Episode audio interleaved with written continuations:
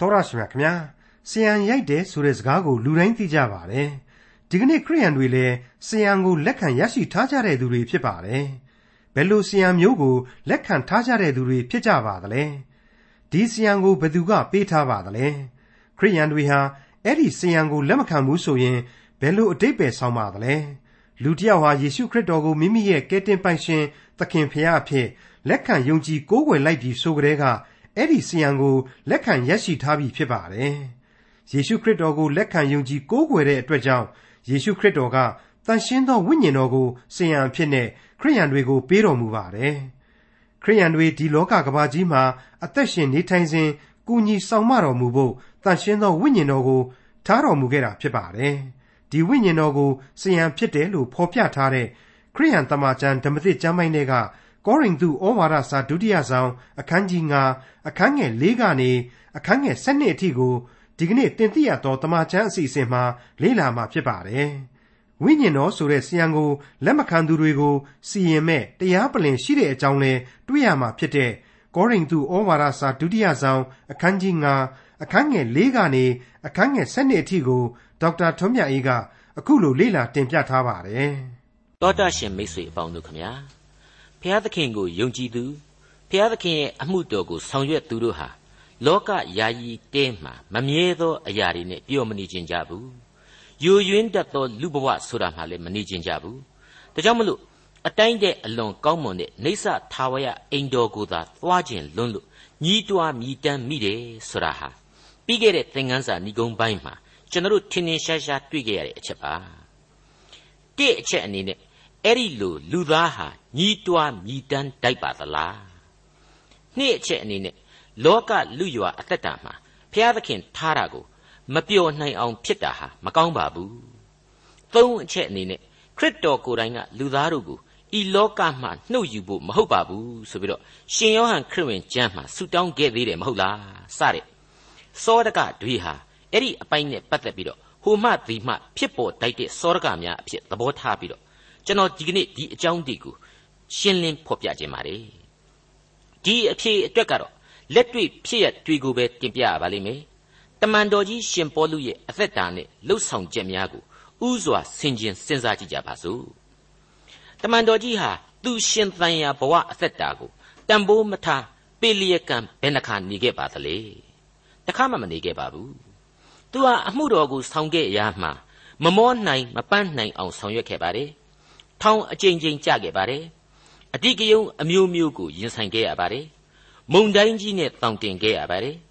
မွေဆိုးအန်တရယ်တွေကိုလည်းတွေ့ခဲ့ရပါတယ်အဲ့ဒီလိုဘဝမျိုးမှာသူဘယ်နှခါလူဘဝကြီးငါမပြောဘူးငါကငါသတ်သေးမယ်မြန်မြန်သေးတာပဲအေးတယ်ဆိုတာမျိုးသူပြောဘူးလို့တော့မပြောဘူးပါဘူးအဲ့ဒါကြောင့်သူ့ရဲ့အခုလိုညီးတွားမြည်တမ်းခြင်းဟာပြစ်စလက်ခတ်ညီးတွားမြည်တမ်းခြင်းမျိုးလုံးဝမဟုတ်နိုင်ပါဘူး အဲ့ဒီလိုသေခြင်းတယ်ဆိုတာမျိုးမပြောခဲ့ယုံသာမကသေးဘူးသူဟာတမန်တော်ဘဝကိုဘလောက်ထိမြတ်နိုးတယ်ဆိုတာကိုကောရိန္သုဩဝါဒစာပထမစာဆောင်အခန်းကြီး9အငယ်15နဲ့တက်တည်ပြခြင်းပါလေအဲ့ဒီကျမ်းမှာတမန်တော်တပါးအဖြစ်ဝါကြွားခြင်းအခွင့်ကိုသူတပါးကဖျက်ဆီးတယ်ဆိုရင်သေတာကမှကောင်းသေးတယ်လို့ဖော်ပြထားပါတယ်တနည်းအားဖြင့်တမန်တော်ဘဝကိုအသက်တမျှမြတ်နိုးတယ်ဆိုတာကိုထင်ထင်ရှားရှားဖော်ပြလိုက်ခြင်းပါပဲဒါကြောင့်မလို့ ငါစိတ်ညစ်လို့သေခြင်းတယ်ဆိုတာမျိုးအရှင်းမဟုတ်ပါဘူးဝိညာဉ်အလင်းအားဖြင့်မြင်ရတဲ့ကောင်းကင်နိုင်ငံတော်ကိုသူဟာသွားခြင်းလွန်းလို့ပြင်းထန်စွာဆန္ဒပြုခြင်းဖြစ်တယ်လို့ပထမအဖြေအနေနဲ့ကျွန်တော်အဖြေပြုခြင်းပါတယ်ဒုတိယအချက်အနေနဲ့ကတော့ကောရိန္သုအရက်ကစာရမဏတ်နဲ့နဘန်းလုံးနေရသူခရစ်ယာန်တွေကိုအားပြော့နေတဲ့ယုံကြည်သူတွေကိုဇာတိပဂရိအသွေးအသားရမက်များကနေလွတ်မြောက်စေခြင်းလွန်းလို့သူ့အခြေခံခံယူချက်အပေါ်မှာ ပြက်ပြက်သားသားကြေညာချက်ထုတ်ပြန်လိုက်ခြင်းဖြစ်တယ်လို့ကျွန်တော်ဖြေချင်ပါတယ်။ဒါကြောင့်မလို့ပြီးခဲ့တဲ့သင်ခန်းစာမှာဖော်ပြခဲ့တဲ့ငါတို့သည်မြေအိမ်၌ရှိစဉ်တွင် ကောင်းကင်အိမ်ထဲသို့ဝင်စားခြင်းဟာအလွန်တောင့်တသောစိတ်ရှိ၍ညီးတွားမြည်တမ်းလျက်နေကြ၏ဆရာဟာတမန်တော်ကြီးရဲ့နှလုံးသားကယုံကြည်ခြင်းတတ္တိဝိညာဉ်စွန့်ပကားတို့ကိုဖော်ပြလိုက်ခြင်းပဲလို့ကျွန်တော်ဖွင့်ဆိုလိုက်ပါရစေ။နောက်တစ်ခုကတော့တမန်တော်ကြီးကနေပြီးတော့မြေသားဘဝကိုတန်ဖိုးထားတယ်လို့ ကောင်းကင်နိုင်ငံတော်ကိုရောက်ဖို့သေခြင်းကိုထီမထင်ရင်ဆိုင်ဝင့်တယ်ဆိုတာကိုငါအသက်ရှင်ရမှာခရစ်တော်ပင်ဖြစ် သေလျင်မူကားသာ၍အကျိုးရှိ၏ဆိုပြီးတော့ဖိလိပ္ပိဩဝါဒစာအခန်းကြီး1အငယ်27မှာဆိုခဲ့သေးတာကိုလေဒီနေရာမှာကျွန်တော်ဖြည့်ဆွက်တင်ပြပါရစေပြီးခဲ့တဲ့သင်ခန်းစာမှာပဲပါဝင်ခဲ့တဲ့စောရကတက်เสียနောက်ထပ်တစ်ချက်ကိုတော့ထပ်မံရှင်းလင်းရအောင်မယ်ဆိုရင်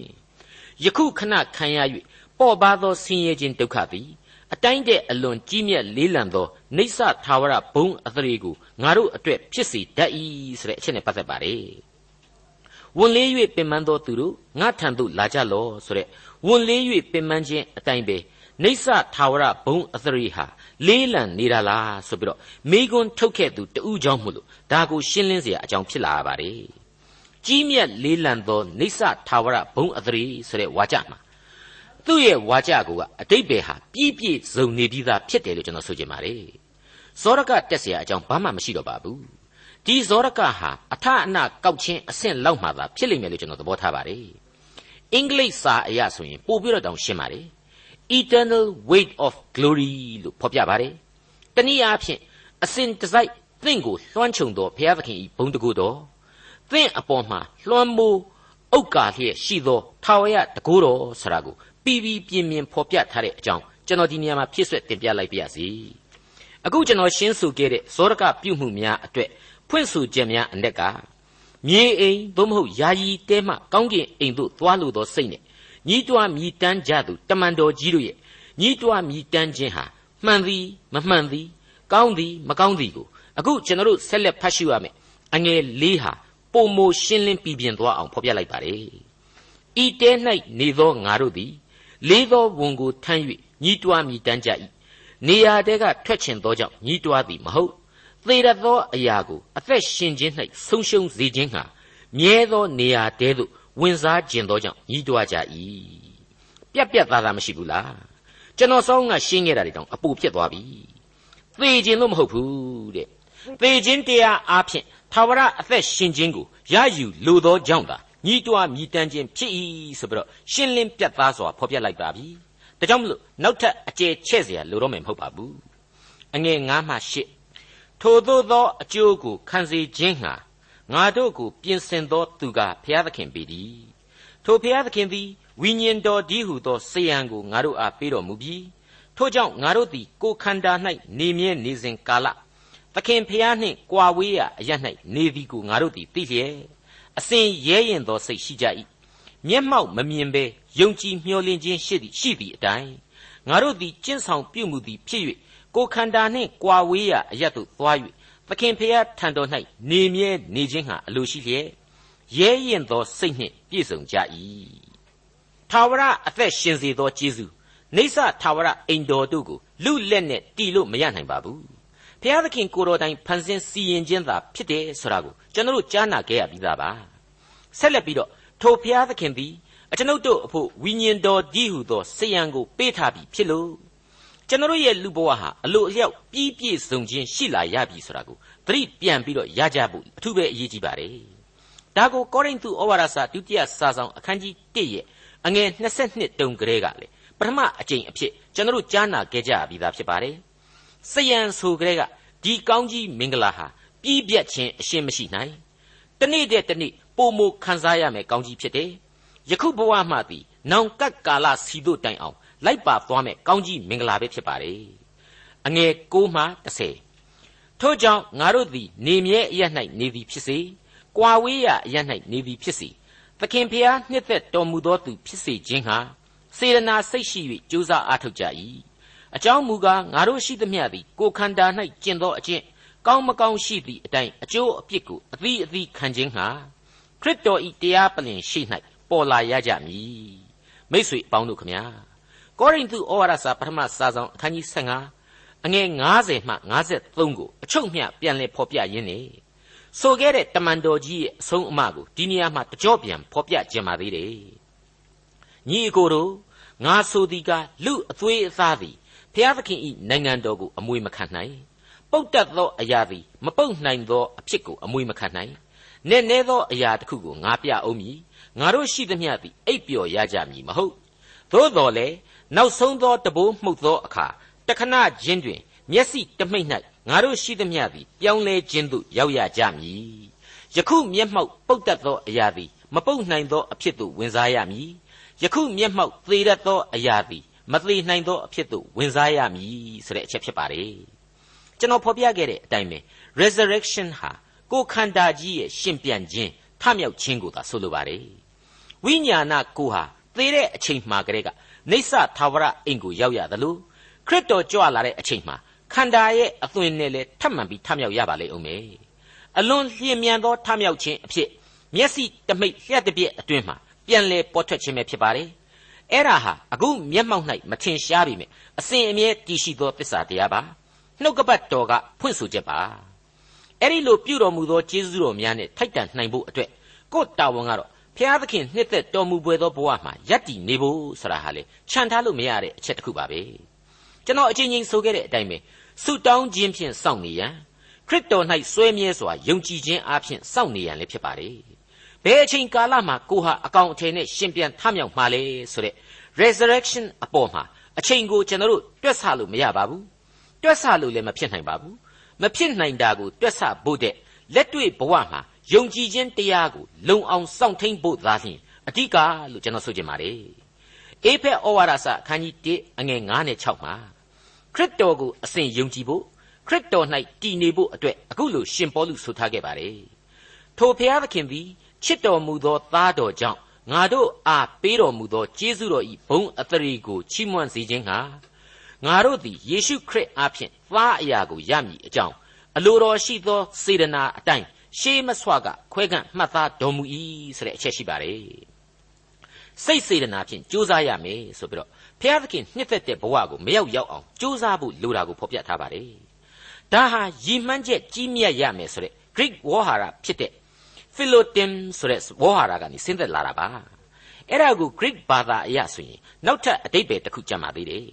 အဲ့ဒါကတော့လျှောက်ပတ်စွာသောအကျင့်တင့်တယ်စွာသောအကျင့်၌စီးပူးခြင်းအားထုတ်ခြင်းဆိုတဲ့အတိတ်ပဲပဲဖြစ်ပါတယ်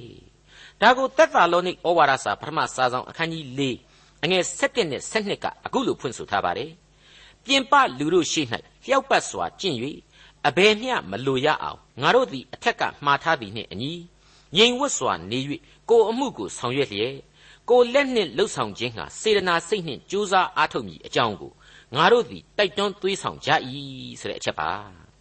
ငြိမ်ငြိမ်ချမ်းချမ်းမရှိဘူးလားပြင်ပလူတို့ရှိမှဆိုတဲ့စကားအရာလောကမှာရှင်သန်ရာဘဝတစ်လျှောက်ကောင်းမြတ်သောစိတ်ထားကလေးနဲ့ခရစ်တော်ကိုလူသားတွေအားလုံးမြင်အောင်လက်တွဲချီတက်သွားရုံပဲရှိပါတယ်ကဲတင်ချင်းတရားကိုလူတိုင်းအတွက်ဆောင်ကျင်းသွားဖို့ပဲရှိပါတယ် ဒေါက်တာဂျီကမ်ဘယ်မော်ဂန်ဆိုတဲ့ပုဂ္ဂိုလ်ကြီးကသူ့ရဲ့ဓမ္မအမှုတော်ဆောင်ခြင်းနဲ့ပတ်သက်ပြီးတော့ခရစ်တော်ရဲ့အစီကိုခံရခြင်းဟာခန္ဓာကိုယ်ပင်ပန်းတာမှန်တယ်ဒါပေမဲ့ခရစ်တော်အတွက်ဆိုတဲ့ပြဋ္ဌာန်းချက်ကြောင့်အတ္တဆိုတာအလိုလိုကွယ်ပြောက်ပြီးတော့အားလုံးပြည့်စုံလုံလောက်သွားတယ်လို့ပဲခံစားရတယ်ဆိုပြီးတော့တက်တည်ခံထားပါတယ်ယေရမိအနာဂတိကျမ်းအခန်းကြီး45ထဲကဖျားသခင်ရဲ့ဗျာဒိတ်တော်ဟာလေမမေ့စရာကောင်းလှပါတယ်သင်သည်ကြီးစွာသောအရာတို့ကိုကိုယ်အဖို့ရှာသလော မရှာနှင်းဆိုတဲ့အချက်ဖြစ်ပါတယ်ဇာတိပရိခန္ဓာကိုယ်ရဲ့အကျင့်တွေကောင်းဤမကောင်းဤဆိုတာတွေဟာအကျိုးနဲ့အပြစ်အမျိုးမျိုးကိုပေးဆက်ရမယ်အဲ့ဒီအကျိုးအပြစ်ကိုအသီးအသီးခံယူနိုင်ဖို့ရန်အတွက်ခရစ်တော်ဤတရားပလင်တော်ရှေ့မှာလူတိုင်းဟာပေါ်လာရကြမယ်ဆိုတာကိုငါတို့သိကြပြီးဖြစ်တယ်တမန်တော်ကြီးကဆက်ပြီးပြောလိုက်တယ်အခုဖော်ပြခဲ့တဲ့တရားပလင်ဆိုတာဟာကျေးဇူးတော်ပလင်ဂယုဏတော်ပလင်သာဖြစ်တယ် အခုအဲ့ဒီပလင်တော်ရှေ့ကိုရောက်ရမယ့်လူတွေဟာခရစ်တော်ကိုယုံကြည်သူများအတွက်သီးသန့်သာဖြစ်ပါတယ်မိษွေတို့စဉ်းစားကြည့်ပါအခုတမန်တော်ကြီးရေးသားနေတာဟာကောရိန္သုခရိယန်ယုံကြည်သူတွေအတွက်ဖြစ်တာကြောင့်ဒီအတိုင်းပဲအဖြေရရှိပါတယ်အဲ့ဒီလိုဆုကျေးဇူးနဲ့ဂယုဏတော်ပလင်ကိုယုံကြည်သူတို့ပေါ်လာရတာဟာကယ်တင်ရှင်ဆုကျေးဇူးကိုပေးမပေးဆုံးဖြတ်เสียအကြောင်းရှိလို့မဟုတ်ဘူးကယ်တင်ရှင်ဆုကျေးဇူးကိုရရှိခံစားပြီးသားဖြစ်တယ် ကယ်တင်ခြင်းကိုရရှိပြီးလို့အပယ်ငရဲမှလွတ်မြောက်ပြီးသားဖြစ်တယ်ဒါကြောင့်အခုကျွန်တော်ဖော်ပြတဲ့တရားပလင်ဟာကျွန်တော်ညံမမီနိုင်တဲ့အထူးဆုကျေးဇူးတော်များပေးရန်အတွက်သာဖြစ်တယ်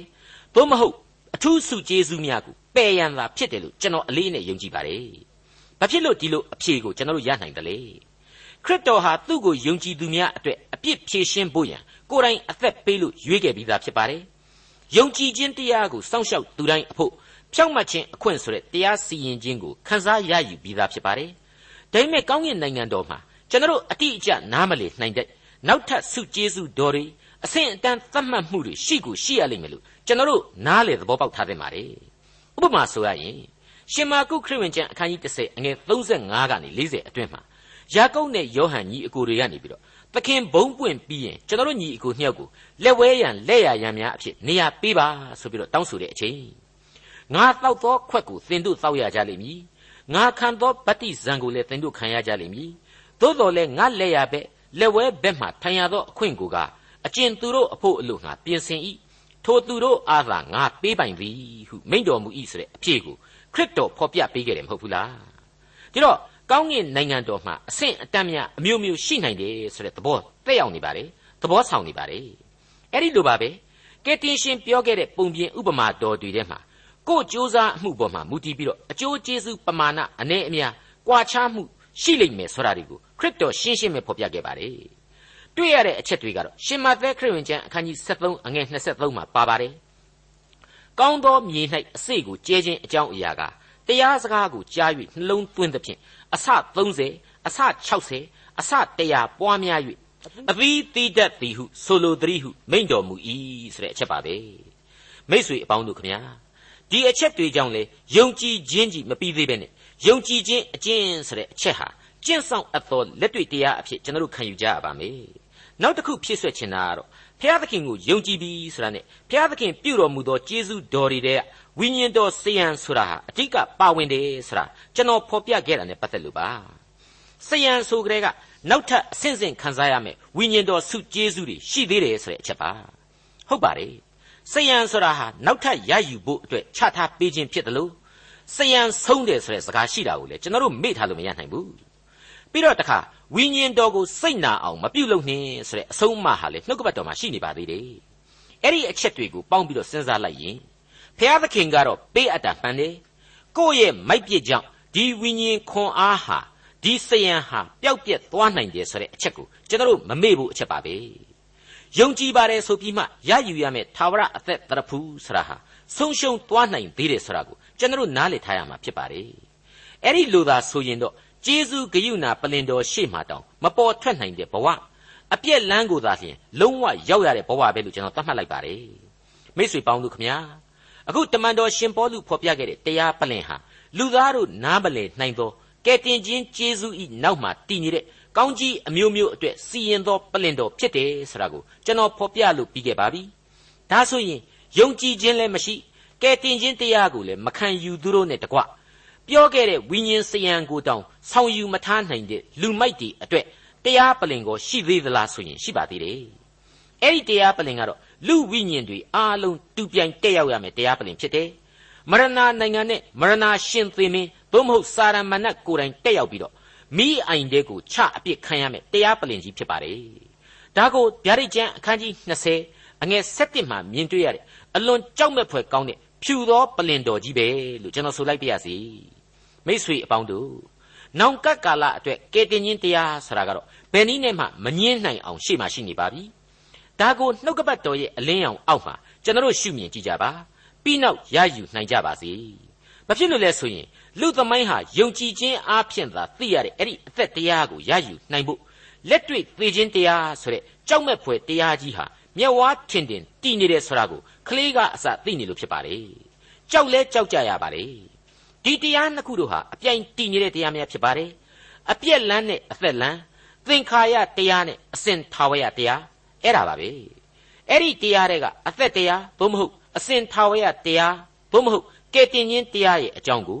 တမန်တော်ကြီးရှင်ပေါလုဟာနှုတ်ကပတ်တော်မှတဆင့်ကျွန်တော်တို့ကိုယခုအချိန်မှာသက်သေပြနေပါတယ်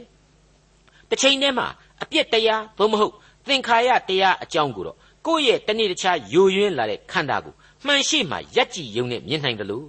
ကိုယ့်ပတ်ဝန်းကျင်ကသေချေပျက်စီးနေကြမှုတွေဟာသက်သေပြနေပါတယ်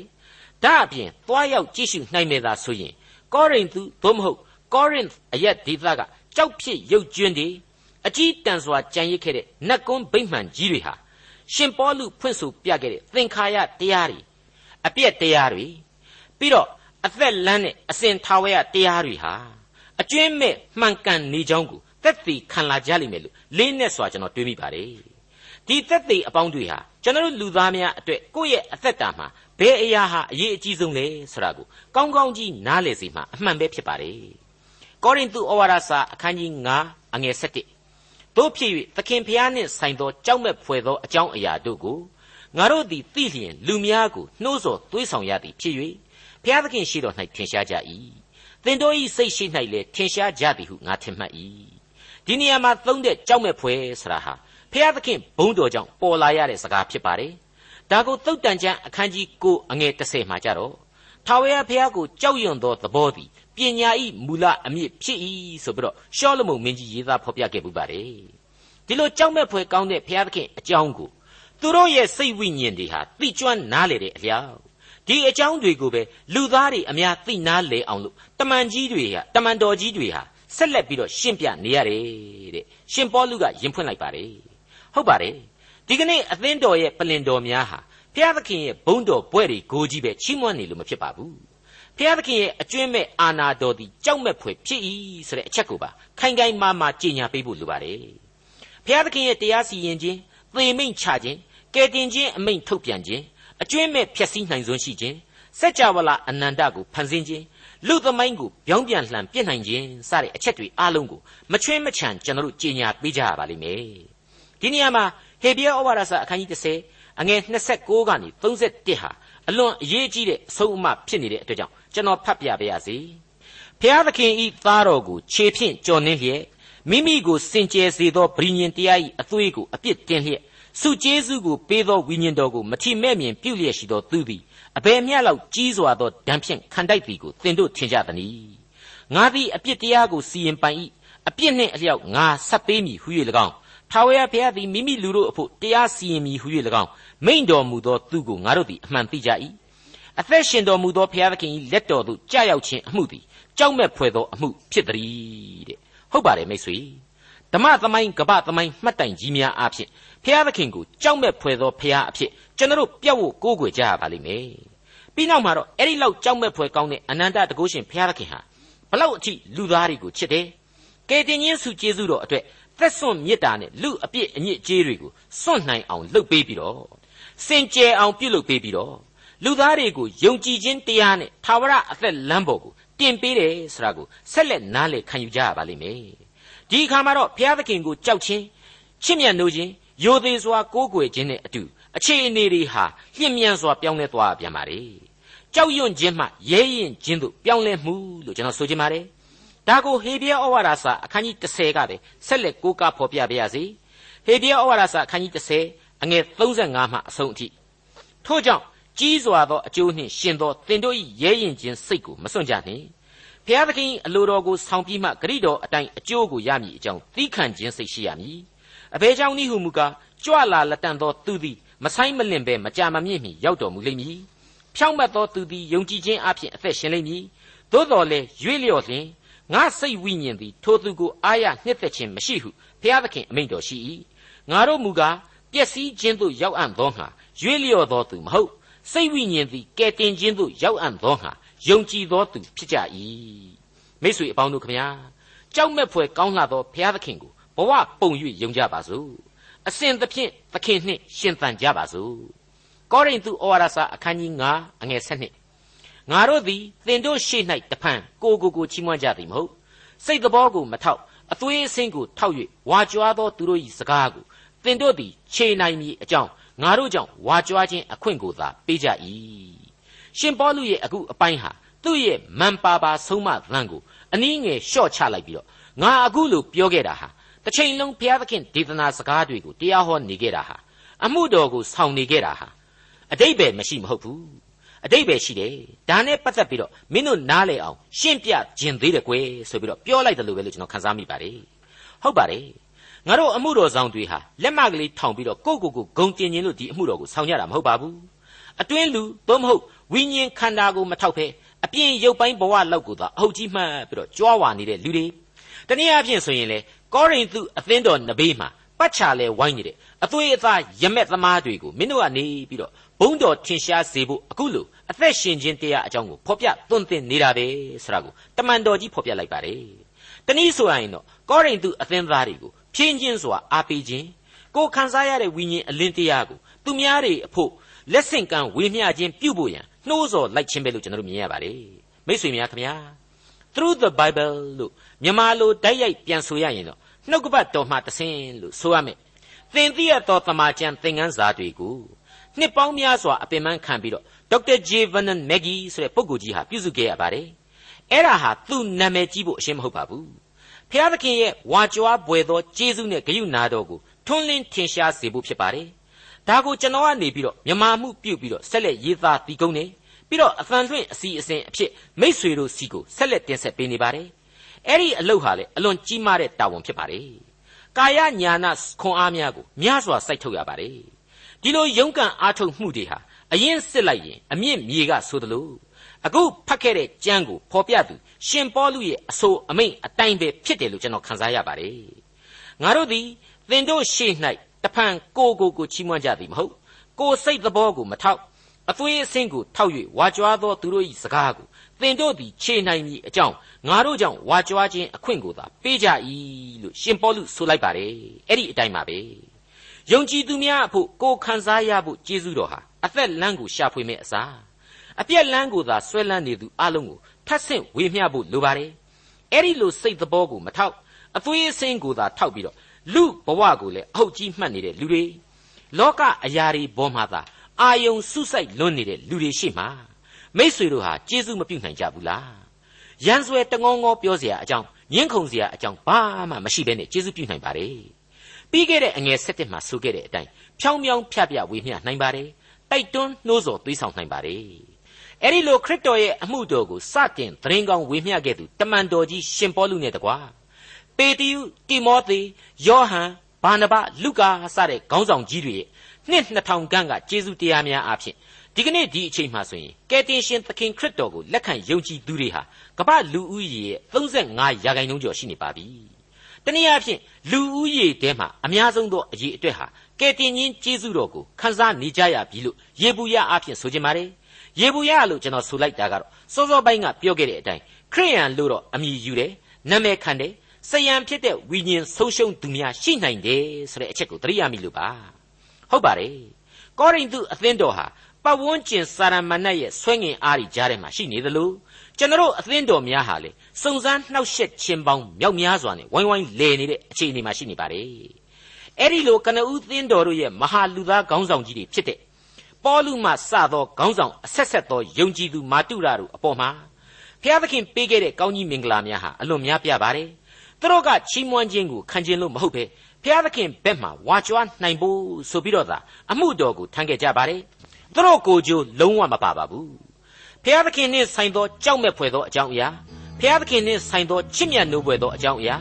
ဘုရားသခင်ဖန်ဆင်းတော်မူခြင်းကြောင့်ရှင်သန်နေရတဲ့ယာယီတဲဟုသောလူဘဝ ဘုရားသခင်ဖန်ဆင်းတော်မူခြင်းကြောင့်လူသားတို့ကိုစောင့်နေတဲ့နေဆထာဝရအိမ်တော်ဒီသစ္စာတရားအလုံးစုံဟာလူသားအလုံးနဲ့ဆိုင်တဲ့အတွက်လူသားအလုံးသိတဲ့တရားတွေပဲဖြစ်တဲ့အကြောင်းတင်ပြလိုက်ပါရစေဒေါက်တာထွန်းမြတ်အေးစီစဉ်တင်ဆက်တဲ့တင်ပြရသောတမချန်းအစီအစဉ်ဖြစ်ပါတယ်နောက်တစ်ချိန်အစီအစဉ်မှာခရိယန်တမချန်းဓမ္မသစ်ကျမ်းပိုင်းတွေကကောရိန္သုဩဝါဒစာဒုတိယဆောင်အခန်းကြီး9အခန်းငယ်73ကနေ အခန်းငယ်21အထိကိုလေ့လာမှဖြစ်တဲ့အတွက်စောင့်မျှော်နားဆင်နိုင်ပါတယ်။